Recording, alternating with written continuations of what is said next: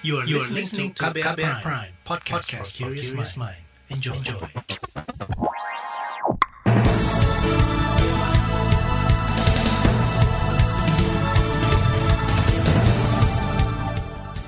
Selamat pagi saudara, senang sekali kami bisa menjumpai Anda kembali melalui program Buletin Pagi, edisi kami 10 Juni 2021 bersama saya Ardi Rusyadi. Sejumlah informasi pilihan telah kami siapkan di antaranya, Menpan RB dukung pimpinan KPK tolak panggilan Komnas HAM soal TWK. Pemerintah bersikeras memasukkan pasal penghinaan presiden di RUU KUHP. Kementerian Pertanian minta daerah berkoordinasi untuk antisipasi bencana kekeringan. Terbaru di Buletin Pagi. Informasi pertama, Saudara, pimpinan Komisi Pemberantasan Korupsi mangkir dari pemanggilan Komisi Nasional Hak Asasi Manusia Komnas HAM. Seharusnya, selasa lalu Ketua KPK Firly Bahuri atau empat pimpinan KPK lainnya datang memenuhi panggilan Komnas HAM. Ketua KPK Firly Bahuri juga mengingatkan kerja pimpinan lembaga anti rasuah bersifat kolektif kolegial termasuk dalam pertanggungjawaban. Saya tidak paham apa yang akan ditanyakan oleh Komnas HAM, tetapi yang pasti adalah Uh, tentu kita sudah bahas dengan rekan-rekan pimpinan KPK karena sesungguhnya pimpinan KPK itu adalah kolektif kolegial sehingga apa pun yang kita lakukan harus diputuskan bersama dan harus bertanggung jawab bersama secara tanggung renteng. Saya kira itu. Sementara itu, juru bicara KPK Ali Fikri mengatakan Senin lalu sudah melayangkan surat ke Komnas HAM untuk meminta kejelasan terkait materi pemeriksaan. Ia menyebut pimpinan KPK akan menyampaikan data dan informasi sesuai kebutuhan pemeriksaan di Komnas HAM. Sebelumnya sejumlah 75 pegawai lembaga anti rasuah diketahui telah mengadukan dugaan pelanggaran HAM dalam TWK KPK ke Komnas HAM. Dalam aduan ke Komnas HAM itu setidaknya ada lima pelanggaran, beberapa di antaranya mulai dari perlakuan tidak adil dalam hubungan kerja hingga diskriminasi terhadap pegawai perempuan. Di lain pihak, Komisioner Komnas HAM Hoirul Anam menyebut alasan yang disampaikan KPK keliru, sebab panggilan itu dalam rangka mencari pelanggaran HAM. Karena itu, forum pemanggilan seharusnya dimaknai dan dimanfaatkan oleh pimpinan KPK sebagai kesempatan sekaligus hak menyampaikan klarifikasi. Anam menegaskan Komnas HAM tidak bisa menuduh pimpinan KPK melanggar HAM sebelum melakukan pemeriksaan langsung. Pihaknya juga menegaskan tidak akan menggunakan hak dan kewenangannya memanggil paksa pimpinan KPK kalau tetap mangkir dari panggilan pemeriksaan ini harapan kami bahwa eh, rekan-rekan kami di KPK bisa datang dan ini menjadi satu proses yang baik, yang baik bagi kita semua dan baik juga bagi satu proses menghargai orang, menghargai institusi untuk mendapatkan haknya memberikan pembelaan diri, memberikan kesempatan untuk menjelaskan sesuatu yang diterima oleh siapa pun penegak hukum, siapa pun penegak asasi manusia. Nah, dalam konteks ini Komnas HAM.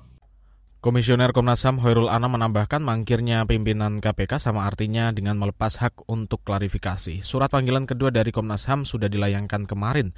Firly Bahuri atau empat pimpinan KPK lainnya ditunggu kehadirannya di Komnas HAM selasa pekan depan. Sementara itu, Menteri Pendayagunaan Aparatur Negara dan Reformasi Birokrasi Menpan RB Cahyokumolo mendukung mangkirnya pimpinan KPK dari pemanggilan Komnas HAM.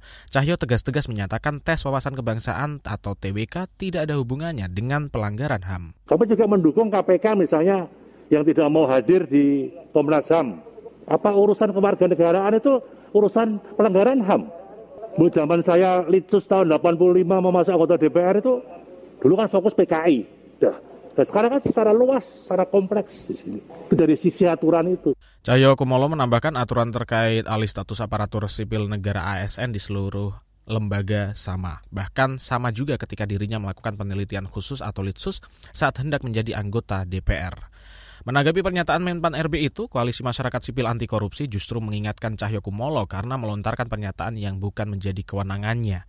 Anggota koalisi yang juga Direktur Eksekutif Amnesty Internasional Indonesia Usman Hamid mengatakan Cahyo harusnya mendukung dan memahami fungsi Komnas HAM pimpinan KPK dianggap merendahkan lembaga seperti Komnas HAM hmm. dan mestinya orang seperti Pak Cahyo ini juga memahami bahwa fungsi Komnas HAM sebenarnya masih dalam tahap penyelidikan, belum mengambil kesimpulan apa pun. Sehingga semestinya justru di, diberikan kesempatan. Kalau memang tidak ada masalah di balik TWK itu, ya katakan saja oleh Komnas HAM itu tidak ada masalah. Tapi kalau ada masalah, tentu pemerintah punya kewajiban untuk memperbaikinya gitu. Seandainya memang mereka yang paling bertanggung jawab di balik Usman Hamid menambahkan mangkirnya pimpinan KPK dan dukungan mangkir dari Menpan RB justru menguatkan bahwa ada dugaan ketidakberesan dalam pelaksanaan tes wawasan kebangsaan TWK di KPK. Pakar Hukum Tata Negara Bivitri Susanti menilai mangkirnya pimpinan Komisi Pemberantasan Korupsi dari panggilan Komnas HAM sebagai bentuk pembangkangan. Menurutnya atas presiden ini, maka relasi antar lembaga negara bisa memburuk. Karena Komnas HAM jelas mandatnya itu dalam undang-undang, undang-undang tentang HAM dan undang-undang pengadilan HAM itu jelas sekali memang mereka punya wewenang untuk melakukan pemeriksaan terhadap dugaan-dugaan pelanggaran HAM yang dilaporkan kepada dia. Jadi dia memang berkewajiban untuk itu. Nah, jadi dalam konteks hukum tata negara, di sini yang terjadi adalah uh, menurut saya suatu ya semacam pembangkangan ya dari suatu lembaga yang kewenangannya jelas, masing-masing kan kewenangannya jelas. Pakar Hukum Tata Negara Bivitri Susanti juga menilai alasan mangkirnya pimpinan KPK terkesan mengada-ada untuk menghindar. Bivitri yakin Komnas HAM pasti sudah menjelaskan konteks pemanggilan kepada KPK, apalagi selama ini kinerja Komnas HAM juga sudah terbukti profesional baik ke individu maupun relasi ke lembaga-lembaga negara lainnya. Informasi tentang pemerintah bersikeras memasukkan pasal penghinaan presiden di RUU KUHP akan hadir usai jeda. Tetaplah di Buletin Pagi KBR. You're listening to KBR Pride, podcast for curious mind. Enjoy!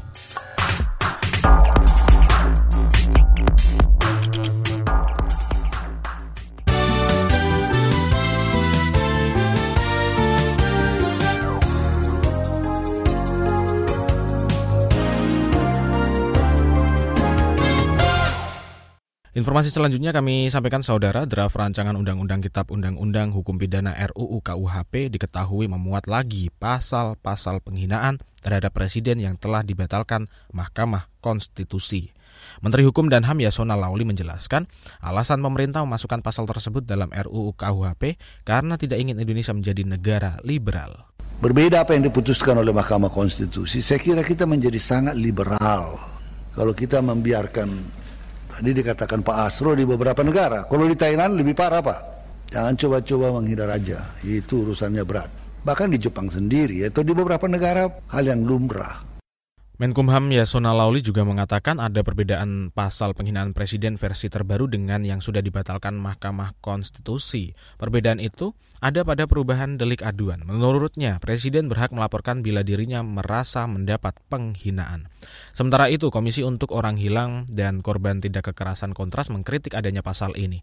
Wakil Koordinator Kontras Rifanli Anandar kepada KBR mengatakan pasal penghinaan tersebut akan mempersempit ruang kebebasan sipil. Informasi lainnya, Komisi Pemberantasan Korupsi KPK sudah memeriksa Wakil Ketua DPR RI Aziz Samsudin sebagai saksi kasus dugaan suap penyidik KPK nonaktif Stefanus Robin Patuju. Suap itu diduga terkait kasus yang melibatkan Wali Kota Tanjung Balai, Sumatera Utara nonaktif M. Syahrial. Juru bicara KPK Ali Fikri mengatakan penyidik KPK menggali keterangan Aziz Samsudin terkait hubungan dengan Robin Patuju. Samping itu juga eh, dugaan adanya fasilitasi tempat di rumah dinas eh, wakil ketua DPR eh, antara tersangka SRP dengan tersangka MS. Terangan selengkapnya dari saksi Aziz Samsudin ini tentu telah tertuang dalam berita acara pemeriksaan. Sementara itu, usai diperiksa KPK, Wakil Ketua DPR RI Aziz Syamsuddin kemarin memilih diam dan tidak menjawab pertanyaan wartawan. Sebelumnya, Dewan Pengawas KPK mengungkapkan sejumlah fakta dalam sidang etik penyidik asal kepolisian Stefanus Robin Patuju, termasuk dugaan penerimaan uang dari Wakil Ketua DPR RI Aziz Syamsuddin. Anggota Dewan Pengawas KPK Alberti Nahu menyebut uang itu diduga terkait kasus suap dan gratifikasi bekas Bupati Lampung Tengah. Kita beralih ke berita ekonomi, pengelolaan jaminan sosial ketenaga kerjaan dinilai masih rendah dalam segi pengelolaan kepesertaan dan pengembangan dana investasi. Anggota Ombudsman RI Heri Susanto mengatakan pengelolaan kepesertaan harus selalu jadi prioritas kerja Direksi BPJS Ketenaga Kerjaan.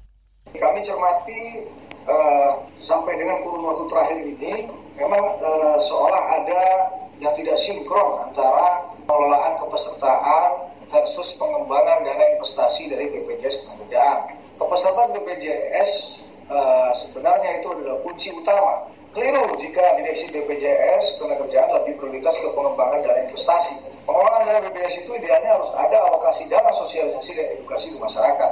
Ini demi peningkatan kepesertaan Anggota Ombudsman RI Heri Susanto juga mengimbau pemerintah untuk meningkatkan sosialisasi dan layanan BPJS ketenaga kerjaan. Heri mengingatkan kepesertaan harus selalu jadi kata kunci, karena dengan makin banyaknya kepesertaan BPJS ketenaga kerjaan, maka kontribusi iuran peserta akan bertambah, termasuk dampak positif keuangan dari hasil investasi. Dari ekonomi kita ke informasi pariwisata. Kementerian Pariwisata dan Ekonomi Kreatif segera mengucurkan dana hibah pariwisata dalam waktu dekat. Staf ahli Menteri Bidang Manajemen Krisis Kemenparekraf Henki Manurung mengatakan, dana hibah ini diberikan pada para pelaku pariwisata yang terdampak pandemi COVID-19. Di tahun ini di tempatnya Deputi 4, Deputi Industri dan Investasi pun sedang menggodok formulasi program sehingga nanti akan ada satu program yang perencanaannya baik, pelaksanaannya baik, dan uh, evaluasinya juga baik. Hal ini kita kunci dan sedang digodok oleh tim Kemenparekraf untuk hibah pariwisata seri kedua. Tapi ini masih dalam suatu sana digodok ya, lagi dalam disusun kembali, ditata ulang kembali. Menurut staf ahli Menteri Bidang Manajemen Krisis Kemenparekraf Henki Manurung, pihak yang akan menerima dana hibah ini di antaranya pelaku industri pariwisata di bidang perhotelan, restoran, hiburan hingga biru perjalanan wisata. Dana hibah pariwisata ini berbeda dengan bantuan insentif pemerintah atau BIP yang merupakan program tahunan sejak empat tahun lalu. Kita ke informasi mancanegara. Pemerintah Singapura menemukan varian COVID-19 Delta menjadi yang paling umum di antara kasus lokal.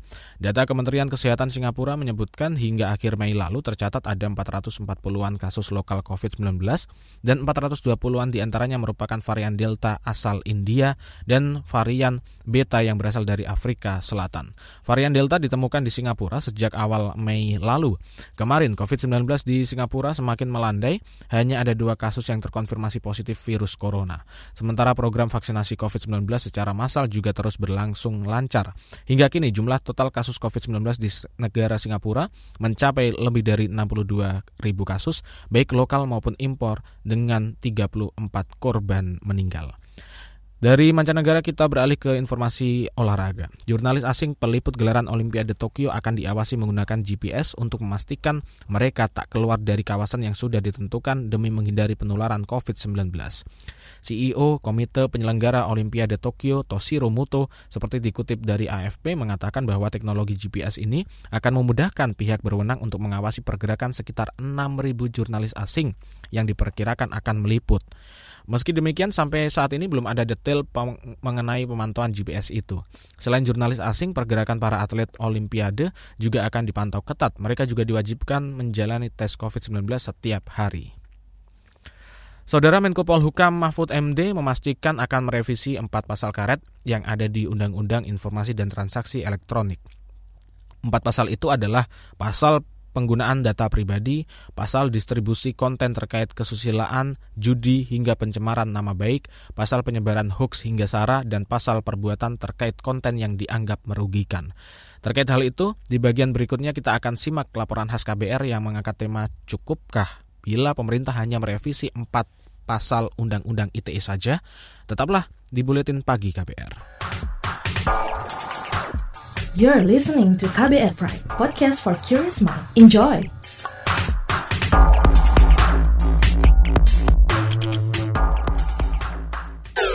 Commercial break.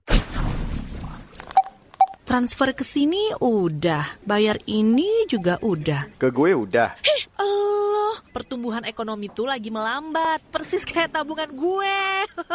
Betul banget harus matang ngelola keuangan. Pengennya tuh investasi sesuatu gitu ya. Apa gitu yang cocok dan menguntungkan? Hmm, coba dengerin uang bicara deh. Gue belakangan lagi dengerin podcast itu di KBR Prime. Reksadana yang tadinya 500 juta udah turun dari 250 juta sekarang 10 ribu. Sama kita ngopi, mahalan mana? Ketika itu ada keputusan yang kayak begitu, investor harus tahu gitu, oh ada keputusan ini berarti implikasinya apa? Orang mungkin perluas literasi kamu lewat podcast Uang Bicara. Uang Bicara menavigasi kamu dengan menghadirkan bahasan-bahasan seru dan populer mulai dari investasi sampai kebijakan. Dipersembahkan oleh KBR Prime dan bisa didengarkan di KBR Prime, Spotify, dan platform mendengarkan podcast lainnya. KBR Prime, podcast for curious mind.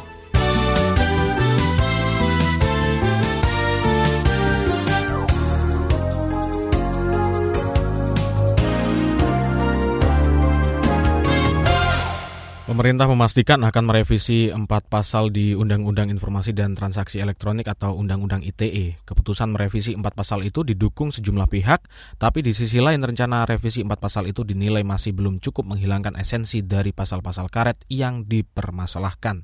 Selengkapnya, kita simak laporan khas KBR yang disusun Yovinka Ayu. Presiden Joko Widodo dikabarkan menyetujui usulan revisi Undang-Undang Informasi dan Transaksi Elektronik – yang memuat sejumlah pasal karet. Pernyataan itu disampaikan Menteri Koordinator Bidang Politik Hukum dan Keamanan Mahfud MD pekan ini. Mahfud mengatakan ada empat pasal yang disetujui untuk direvisi, antara lain pasal penggunaan data pribadi, pasal distribusi konten terkait kesusilaan, judi hingga pencemaran nama baik, pasal penyebaran hoaks hingga sara, dan pasal perbuatan terkait konten yang dianggap merugikan. Itu semua untuk satu menghilangkan multitafsir, menghilangkan pasal karet, dan menghilangkan kriminalisasi yang kata masyarakat itu banyak terjadi. Kata masyarakat sipil itu banyak terjadi itu. Diskriminasi kriminalisasi. Kita perbaiki.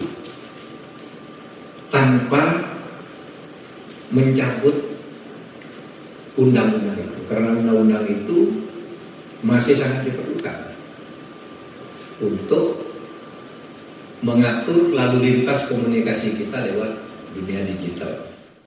Nantinya revisi Undang-Undang ITE akan dilakukan secara terbatas.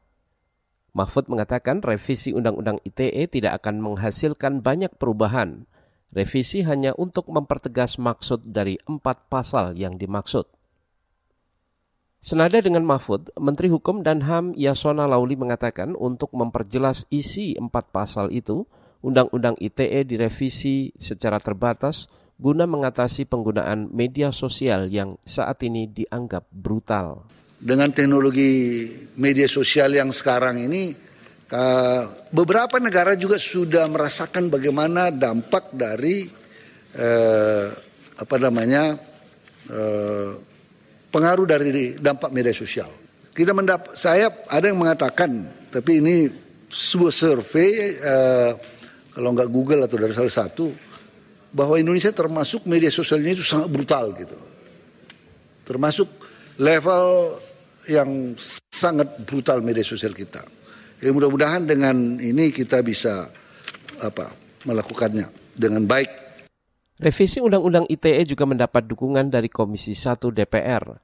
Anggota Komisi 1 DPR Sukam Tamiharja mengatakan banyak pasal yang memberatkan masyarakat bahkan cenderung merugikan. Namun ia memilih pasal-pasal karet dihilangkan karena sudah ada dalam KUHP. Kita revisi dengan dihilangkan itu pasal-pasal karetnya. Karena apa? Karena sudah ada di dalam KUHP. Jadi perbuatan yang diancamkan itu itu sebetulnya adalah perbuatan semuanya dari pasal 27, 28, 29 sampai 34 itu terjemahan copy paste dari KUHP hanya sekarang ditambah kalau itu dilakukan di media digital maka ini loh ancamannya di Undang-Undang ITE. Walaupun nanti dikasih pedoman, saya khawatir kalau perilakunya masih begini, ini jadi persoalan. Kendati demikian, Lembaga Studi dan Advokasi Masyarakat Elsam menganggap rencana revisi Undang-Undang ITE oleh pemerintah masih tanggung. Direktur Eksekutif Elsam Wahyudi Jafar mengatakan, revisi Undang-Undang ITE tidak cukup hanya dengan mengubah kalimat dalam pasal-pasal bermasalah. Perubahan kalimat hanya akan membuat masalah kembali pada persoalan yang sama. Jika diterapkan Undang-Undang nomor 19 tahun 2016 yang mengubah Undang-Undang 11 2008 tadi kan uh, masih dijumpai banyak uh, permasalahan ya karena memang secara perumusan masih problematis. Nah, uh, ketika hari ini juga ditekankan hal yang sama melakukan revisi terbatas terhadap pasal 27, 28, 29, 36 dan 45 tadi uh, ini juga uh, kekhawatirnya juga akan ya sama saja hasilnya itu kan masih akan terus muncul persoalan dalam penerapan ketentuan-ketentuan uh, itu karena memang ada problem dalam perumusan pasal 27, 28, 29-nya itu kan. Wahyudi Jafar menyarankan agar revisi terhadap Undang-Undang ITE bisa dilakukan secara menyeluruh. Ia juga mengatakan perlu ada dekonstruksi ulang terhadap rumusan Undang-Undang ITE guna memastikan undang-undang itu sejalan dengan perkembangan teknologi informasi dan komunikasi saat ini. Laporan ini disusun Yovinka Ayu, saya Agus Lukman. Informasi dari berbagai daerah akan hadir usai jeda, tetaplah bersama kami di Buletin Pagi KBR. You're listening to KBR Pride, podcast for curious mind. Enjoy!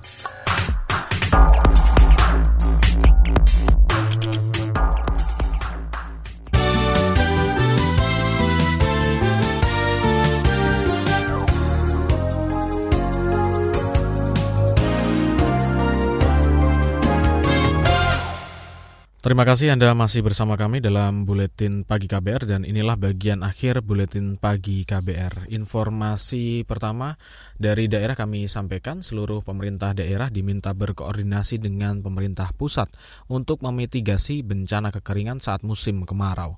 Menteri Pertanian Syahrul Yasin Limpo mengatakan puncak musim kemarau terjadi pada Agustus nanti dan sejumlah antisipasi sudah dilakukan mulai dari mempercepat penam penanaman dan pendataan daerah rawan kekeringan yang juga saat ini tengah dilakukan.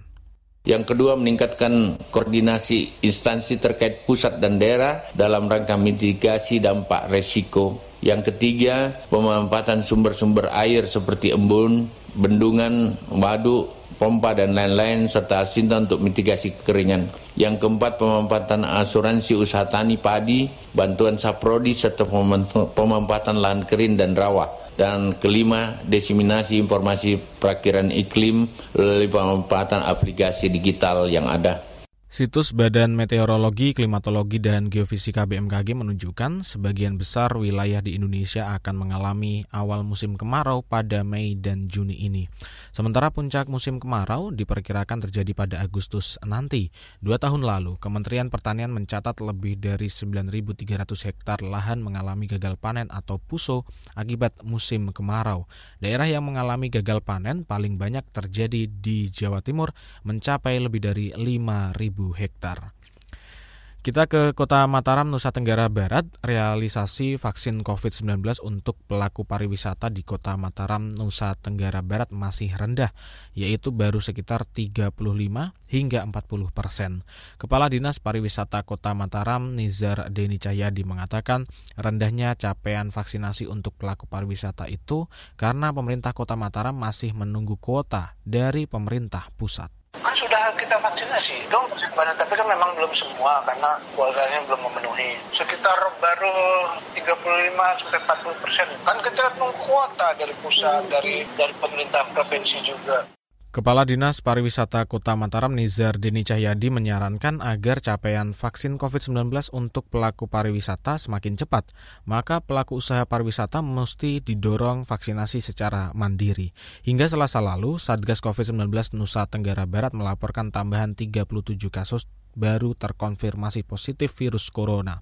Tambahan kasus baru itu terjadi antara lain di Bima, Lombok Timur, Sumbawa Barat, dan Mataram. Dengan tambahan 37 kasus baru itu, maka jumlah total pasien positif COVID-19 di NTB mencapai lebih dari 13.000 orang. Sebanyak 81 pengungsi etnis Rohingya Myanmar yang terdampar di Aceh Timur kemarin malam dipindahkan ke Medan, Sumatera Utara. Sementara itu pemindahan berdasarkan pemutusan keputusan rapat antara Kementerian Dalam Negeri, Pemkap Aceh Timur dan sejumlah lembaga yang menangani pengungsi. Kepala Bidang Pencegahan dan Kesiapsiagaan Bencana BPBD Aceh Timur Ismail mengatakan 8 bus lengkap dengan logistik dan keperluan pengungsi lainnya disiapkan untuk memberangkatkan pengungsi Rohingya ke Medan. Uh, sama orang YOM dan uh, instansi lain jadi diarahkan ke uh, ke kota Medan.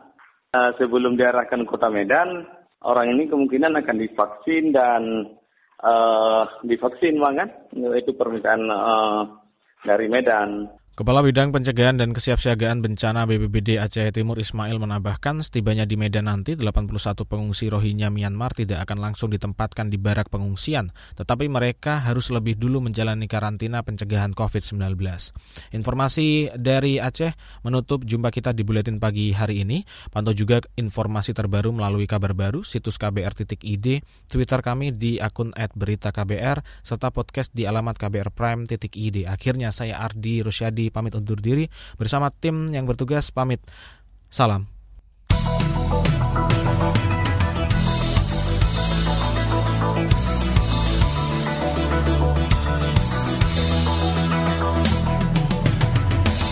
KBR Prime, cara asik mendengar berita. KBR Prime, podcast for curious mind.